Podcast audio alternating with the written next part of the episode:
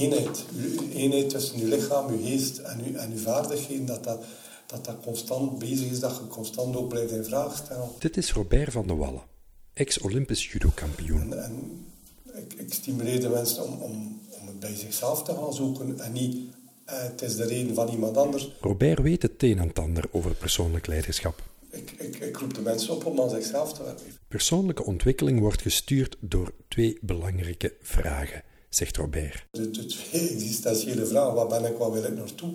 Maar die vraag stellen wij alle dagen. Hè. Je kijkt in de spiegel, allee, voel ik mij lekker, allee, ik ben fysiek oké, maar mentaal misschien wat moe of gedemotiveerd. Dus werk ik wat meer aan mijn motivatie. Dus al die zaken dat wij alle dagen leven en beleven, als je die gewoon vertelt, dan vallen die mensen in de mond open. Hè. Dan zeggen ze, ja, het is waar. Ik ben Raf Stevens. Het is twee jaar geleden dat ik met Robert van de Wallen sprak. Een gesprek dat mij nog lang is bijgebleven. En voor deze speciale editie van de Club podcast blik ik kort even terug. De moraal van het verhaal. Olympisch kampioen Robert van der Wallen. Inzichten en reflecties Prachtige techniek. voor meer persoonlijk leiderschap.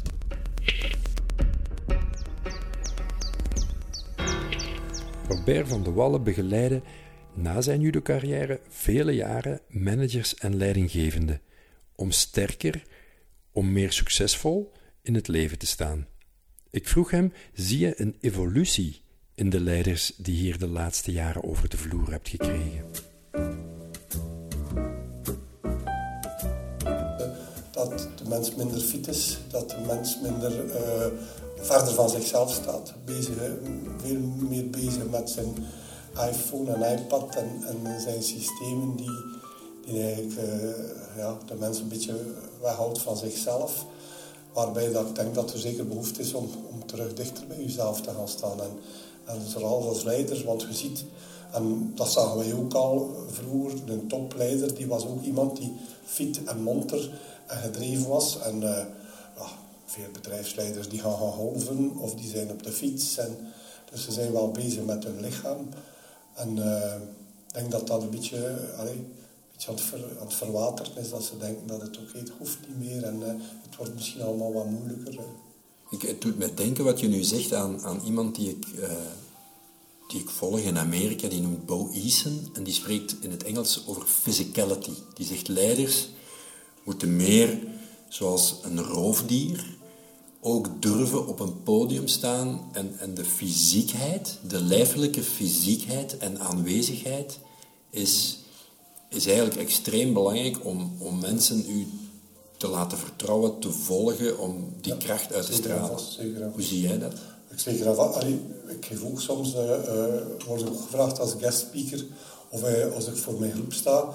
Het is niet alleen wat dat je zegt, het is hoe dat je het zegt. Wat straalt je zelf als persoon uit? Dat is ook communicatie.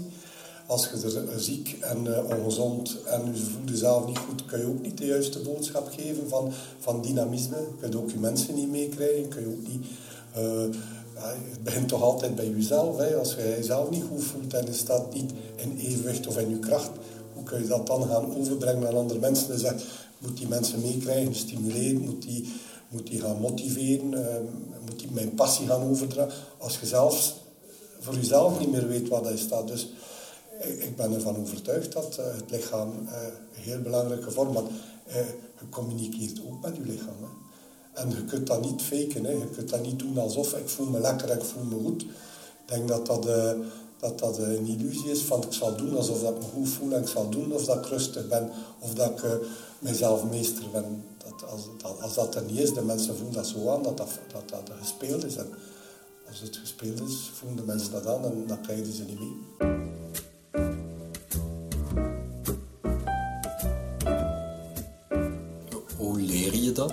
Of hoe, hoe breng je dan mensen bij om hun lijf eigenlijk meer te voelen in een bedrijfsomgeving? Kan je dat leren? Maar is dat vooral het, eh, wat ik zie de meeste in, het seminar, dat een beetje, als we wat meer tijd krijgen, het verschil van als ze toekomen, dat ze zijn uitgeput. Ze, ze hebben niet genoeg gerust, ze hebben verkeerd gegeten, te verkeerd gedronken. En dat je ze kunt in twee dagen terug, eh, in, door een beetje meditatie, beetje stretching, relaxatie, een beetje met hun lichaam bewegen en een beetje hun spieren laten voelen, dat ze zich wel lekker voelen, godverdikke, ja, dat is toch wel aangenaam, ook om je fysiek goed te voelen, om te doen wat dat je dan moet doen.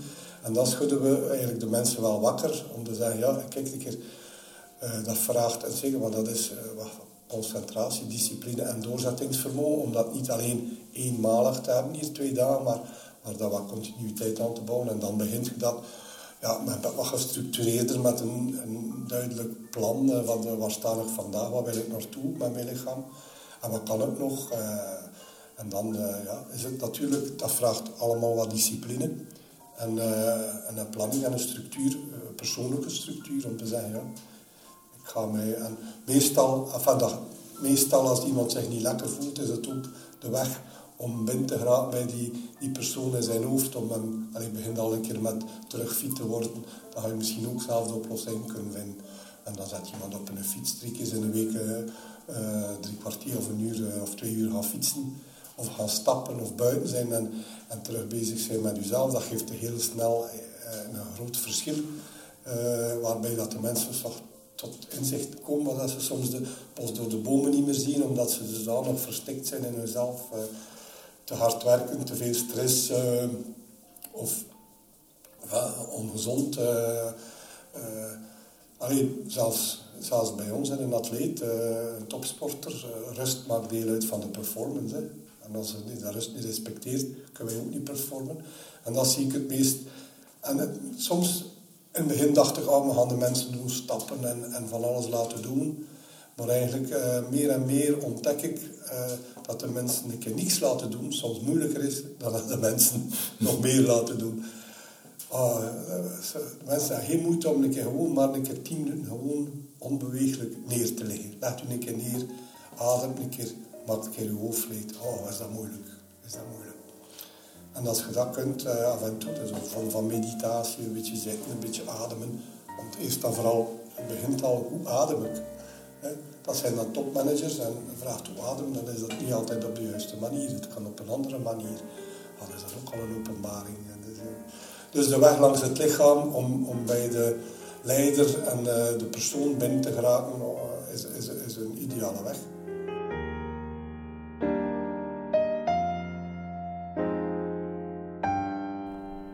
je ontwikkelpad bewandelen en dus niet vergeten de weg langs het lichaam te nemen. Mooi gezegd. Als ik rondkijk en observeer hoe vele leiders zich vandaag bewegen, als ik zie hoe ze hun lichaam gebruiken, dan zie ik toch vaak leiders die niet bewegen vanuit zichzelf, maar eerder vanuit een rol, vanuit een, een opdracht, vanuit een functietitel bijna zou je kunnen zeggen. Gespannen, angstig, crispeert eigenlijk. En in leiderschap is het blijkbaar voor velen erg moeilijk om natuurlijk te bewegen. Om op een natuurlijke manier je pad te volgen. Stel je dan eens deze vraag. Hoe vaak pas jij je lichaamstaal aan aan je werkomgeving? In je kracht staan, zei Robert van de Wallen later nog in ons gesprek. En hij bedoelde dat in jouw kracht staan ook iets fysiek is. Daardoor krijgt het voor mij een veel rijkere betekenis dan de vandaag vaak gebruikte eerder softe invulling. Ja, het is een soort natuurlijke flow waarin je je als een vis in het water voelt. Dat gevoel van, hey, het loopt lekker. Maar het is dus meer. Het is ook echt iets fysiek, waarbij in je kracht staan een krachtige fysieke aanwezigheid is, zeg maar. In je lijf zitten. En, en je lijf inzetten als instrument om mensen mee te nemen op je tocht, mee te nemen in jouw leiderschapsverhaal. Want het leven is een zoektocht naar het verhaal van je identiteit. Of anders gezegd, op je pad hoef je jezelf slechts twee vragen te stellen. De vragen die Robert van de Wallen eerder in deze podcast ook aanhaalde. Wie ben ik en waar ben ik naartoe op weg?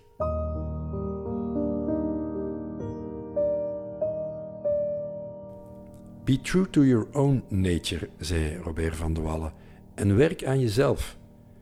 Een betere promotie kan ik mij eigenlijk niet indenken voor de leiderschapsexpedities die ik zelf in 2020 organiseer. Het zijn ontdekkingstochten voor leidinggevenden en ondernemers die willen werken aan hun persoonlijk leiderschap. Intensieve trajecten Die bestaan uit een meerdaagse buitenlandse ontdekkingstocht, ondersteund met enkele coachende gesprekken voor en na de tocht. Heb je zelf interesse om mee op je ontwikkelpad te gaan?